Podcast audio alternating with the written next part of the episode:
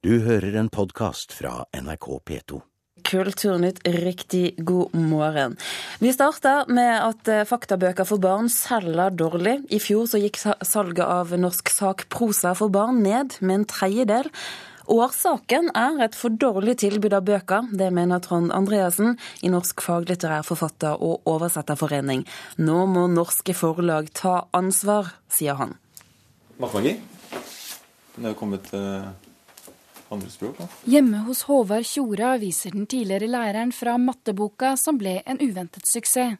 Barn kastet seg over den, og det på fritida. Da jeg begynte å skrive, så tenkte jeg ok, det er en bok om matte. Eh, hvordan vil det treffe? Altså, det er et fag som mange altså, Det er et sånn hat-elsk-forhold til matte. Jeg har prøvd å skrive et ganske muntlig språk, og på en måte være med leseren i boka.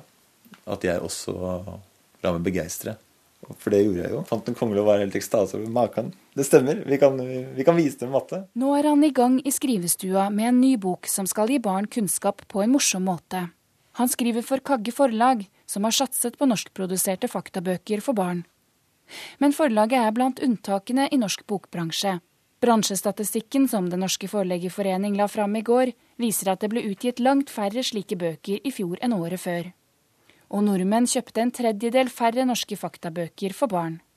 Nedturen kommer etter en opptur i 2010, og generalsekretær Trond Andreassen i Norsk faglitterær forfatter- og oversetterforening er bekymret. Jeg syns det er veldig leit, fordi at eh, da vi i sin tid opprettet en innkjøpsordning for uh, sakprosa for barn og ungdom, så var det nettopp med sikte på å få et norsk tilbud. Og når vi nå kommer fram til 2012, så viser det seg at utviklingen igjen er begynt å gå i feil retning. Men hvorfor er det så viktig at sakprosaen er eh, norskprodusert?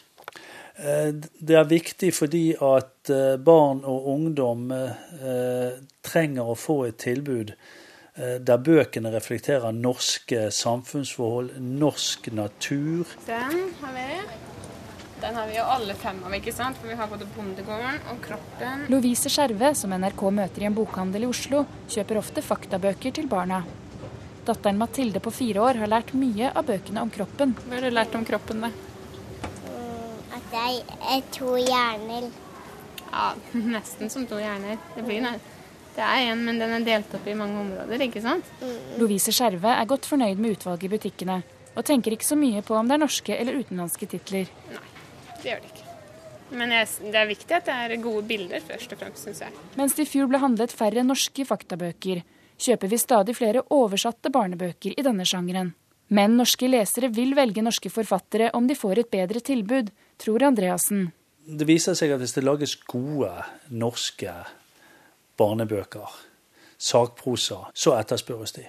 Men de må være gode, de må markedsføres, det må være en gjennomtenkt strategi i forhold til helheten i dette. De største forlagene må ta et særlig ansvar for at det satses for lite på sakprosa for barn, mener Andreassen, og får støtte fra Norsk barnebokinstitutt.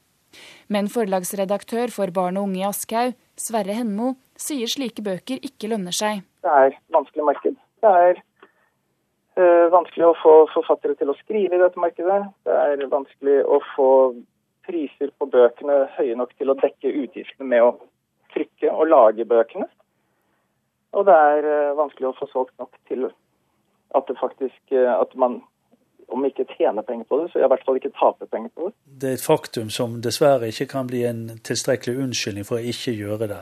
Det er mange bøker som er dyre å produsere, både for eh, barn og voksne. Det ville jo vært en fallitterklæring for en kulturnasjon hvis vi ikke skulle utvikle Eh, litteratur eh, på norsk språk skrevet av norske forfattere om norske forhold. Det sa Trond Andreassen, som er generalsekretær i Norsk faglitterær forfatter- og oversetterforening. Reporteren det var Ida Kvittingen. Og denne foreningen er i gang med å lokke flere forfattere til å skrive. Til høsten starter de, sammen med Norsk barnebokinstitutt, en egen forfatterutdanning for å få flere nordmenn til å skrive kunnskapsrike kvalitetsbøker for barn. Aukrust-senteret i Alvdal har mistet 100 000 besøkende siden åpningen. Nå vil de bygge nytt for å lokke flere besøkende. I Kjell Aukrust rike skal de bygge en 14 meter høy rakett, et Reodor Felgen-verksted og et Flåklypa land. Samlet prislapp er 35 millioner kroner. Jeg har fått beskjed om å trykke på dette her. Jeg er ikke helt sikker på hva som skal skje. Det var jubel da kongen åpna Aukrustsenteret i Alvdal 1996. Og besøkstallet var også til å juble over. 120 000 det første året. Siden har det gått nedover. Det er ikke akkurat flust med investorer som eh, vil være med å, å betale. Og eh, da har sikkert ikke vært flinke nok sjøl heller. Sier ordfører Svein Borchhus i Alvdal kommune, som eier Aukrustsenteret. Det er klart det er langt ifra 120 000 til 15 Jeg tror det er folk. Det, akkurat nå ser det ut som det ikke er noen. Så det er stille og null gjester på Aukrustsenteret denne junidagen. Så det spørs om du må vente litt, da. Daglig leder ved Aukrustsenteret Gunn Strømsøyen Vamstad forteller om det dramatiske fallet i antall besøkende. Og prognosene for de neste åra er heller ikke bedre. De varsler om store underskudd. Nei, Det kritiske punktet er nok når vi kommer ned på 12 000 f.eks. For å stoppe publikumssvikten må det satses på nye attraksjoner, sier Vamstad. Der. Der ser du den fine haugen der. Der skal vi bygge Flåklypatoppen. En Flåklypatopp med rakett og Reodor Felgen-verksted og en Flåklypa landsby med kooperativ, avis, meieri og bilbane, der folk kan kjøre om kapp, er noen av planene for Aukrustsenteret. Jeg er ikke redd for at det fjerner dere fra det opprinnelige Aukrust her nå, at det bare blir fornøyelsespark? Nei, en kan jo ha det moro og samtidig lære noe om Kjell Aukrust. Det er jo fullt mulig. Og Kjell Aukrust, han Alt det han har skapt, inneholder jo veldig mye humor og moro. Og det skal være mulig å, å leke seg over uh, unge. Her er det Solander og Ludviger, tenker jeg. Aukrustsenteret og Aukrust er jo det som er merkevara til Alvdal. Nå skal politikerne i Alvdal si ja eller nei til lån og lånegaranti på til sammen 6,5 millioner kroner. Ifølge ordføreren vil det bli ja. En kommune som eh, vil ha utvikling, er nødt til å bruke penger. Ellers så blir det stagnasjon og tilbakegang. Solan og Ludvig og gjengen i Flåklypa er jo kjent over hele Norge. Hvorfor eh, har dere ikke klart å fornye dere mm, i større grad? Det er snakk om penger. Ligger det på feil plass?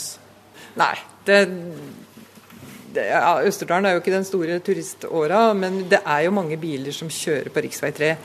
Årlig passerer én million biler forbi Aukrustsenteret i Alvdal. Så spørs det da hvor mange som kommer til å stoppe der om det blir et Flåklypa-land. Nei, vi ønsker oss jo 50 000-60 000. Går det som de håper, blir det byggestart etter ferien. Det er svært viktig, for hvis kommunen ikke bidrar her, så eh, da blir det tungt å drive framover. og i stedet for at vi da får en besøksøkning, så vil vi da få enda mer tilbakegang, og dertil òg større utgifter for Arendal kommune. Reporter var Stein Eide, og den nye Flåklypa-raketten skal etter planen åpne til sesongen 2014. Dette er Nyhetsmorgen i Alltid nyheter og NRK P2. Klokken er nærmer seg 8.15 hovedsaker i dag, der at det har vært nye massakrer i Syria i natt, melder aktivister. Vestlige og arabiske land danner ny koordineringsgruppe for å hjelpe opposisjonen. Både Senterpartiet og SV kommer under sperregrensen på en ny måling. Partiene ville fått én representant hver på Stortinget. Og bli med oss videre i Kulturnytt, for åpningsfilmen på Cannes-festivalen kommer på kino i Norge i morgen. Og det er mye galskap, og vår anmelder liker det. Men nå først. Norske ungdommer inntar den sosiale bloggtjenesten Twitter. Til nå har nettstedet vært regnet som et sted mest for voksne og velutdannede, men bruken blant ungdom øker nå kraftig. Ferske tall viser at 12% av nordmenn under 30 år tvitrer, altså da skriver beskjeder på maks 140 ord. Øyvind Solstad, du er kommunikasjonsrådgiver og teknologiekspert i Karat. Hva tror du er årsaken til dette? Først og fremst jeg tror jeg det kommer av at alle ungdommer nå har en smarttelefon. Og så driver alle teleselskapene og konkurrerer om å tilby internett overalt for en OK penge. Og dermed så kan til og med 13-åringen ha med seg mobilen og være på nett hele tida overalt. Så dette handler først og fremst om tilgjengelig teknologi?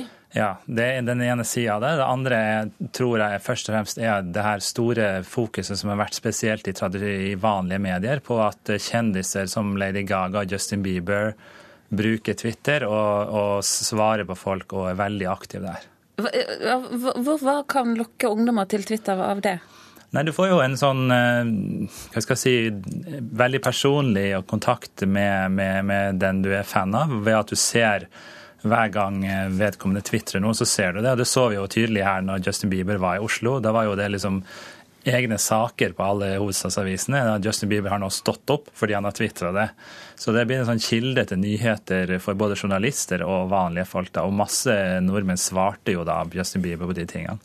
Eh, og det er ikke bare kjendiser innenfor musikksegmentet som nå gjør det stort på Twitter, også en del sportsfolk. Ja, og der har det, jo, det er jo kanskje først og fremst jenter som er, som, som er opptatt av det med kjendiser, hvis det skal være litt firkanta, da. Men innen fotball så er det jo masse av de spillerne som spiller i engelske fotball divisjonene som bruker Twitter. og Det har også gjort at veldig mange gutter som jeg egentlig ikke ville trodd var interessert i det, har begynt å bruke Twitter nettopp for å følge sine stjerner på fotballbanen. Men Hva er det som skal til da for å bli god til å utnytte mulighetene på dette mikrobloggestedet? Nei, altså det er jo som du sa i innledninga, det er 140 tegn, og da, det, da, må du fatte deg i korthet. Og det passer jo for ungdom, da, som er vant til å sende tekstmeldinger og skrive statusoppdatering på Facebook, fordi Facebook er fortsatt det største sosiale nettstedet for unge. Men de er vant til å fatte seg korthet, og, det er en veldig sånn kjapp måte å bruke det på. Og mange bruker Twitter nærmest som om det var Messenger, altså sånn chat-program. har lange samtaler fram og tilbake med hverandre, og selv om det er offentlig, da. Tar dette da over litt fra den tradisjonelle chattingen?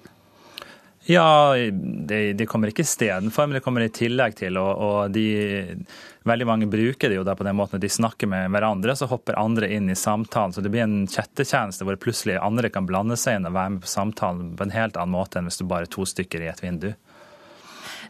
I dag så har du selv lagt ut eh, beskjed på, Twitter og spurt ungdom hva det er som gjør at de gidder å være på Twitter. Hva slags svar fikk du? Jeg spurte jo hvis du er under 30 og bruker Twitter, hvorfor bruker det? Og det var jo mange av de samme svarene som, som, som helt på å si voksne svarer, at de gjør det for å følge med på nyheter, få et usila eh, innblikk i hva som skjer i verden, eh, kunne følge kjendiser som vi har snakka om og sånn. Men så var det også folk som svarte at det gir meg tilbake troa på menneskeheten. Og Det syns jeg var et aldeles nydelig svar.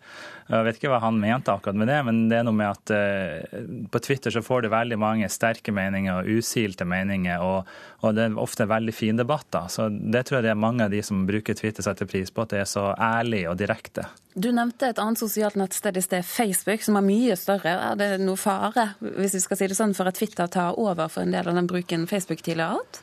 Nei, altså Facebook er kjempestort i Norge, og type, over halvparten av befolkninga bruker det. Men, eh, men, eh, Twitter er mye mer direkte og, og, enkelt i formen, og jeg tror mange setter pris på den enkle måten å, å gjøre det. Pluss at Facebook er det ofte at du følger venner og kjente og får deres liv inn, mens på Twitter så får du inn hele verden. Folk retweeter nyheter fra, som har skjedd ting som har skjedd i Syria, viktige ting. Under, under Utøya så vi jo veldig tydelig hvor viktig Twitter var, med at de som var der, tvitra ting, og, og folk så direkte hva de mente. Eivind Solstad, takk for at du var med oss her i Kulturnytt. Science fiction-legenden Ray Bradbury er død, 91 år gammel. Den amerikanske forfatteren har skrevet om lag 600 noveller og over 30 romaner. Han er mest kjent for verket Fahrenheit 451 fra 1953, en fremtidsroman som er preget av den kalde krigen. Flere av bøkene hans har blitt film, teater og TV-serier, og han har også fått en stjerne på Hollywoods berømte Walk of Fame. I 2004 fikk han dessuten fortjenestemedaljen National Medal of Art av president George W. Bush. Forfatter Amal Aden er aktuell som nytt medlem av Pressens faglige utvalg, PFU, de kommende to årene. Hun er innstilt som ny vararepresentant på vegne av allmennheten. Flere nye medlemmer til PFU er foreslått. Neste uke blir det klart hvem de nye representantene blir. Aden har gitt ut flere bøker, bl.a. ABC Integrering og Min drøm om frihet. Beatles-museet i Hamburg kommer til å måtte stenge i slutten av denne måneden. Det melder nettstedet New Musical Express. Museet har kun hatt 150 000 besøkende siden åpningen i mai 2009. På 60-tallet spilte Beatles flere konserter i området der museet ligger, og museet, som heter Beatlemania, inneholder over 1000 Beatles-effekter. Fra i morgen av så regnes et kunstverk som grei betaling av hotellregningen på Clarion hotell i Stockholm. Eh, og da det er slik at ett verk gir én natt på dette hotellet. Det er ingen krav til kunstverket, annet enn at det må være av en viss fysisk størrelse. Det skriver Klassekampen i dag. Inspirasjonskilden er Hotell Chelsea, som ligger i New York. De vil i sin tid hjelpe fattige kunstnere, og Hotell Chelsea har hatt mange celebre gjester opp gjennom tidene kvinne og blir sett på som en institusjon i amerikansk kultur. Du har hørt en podkast fra NRK P2.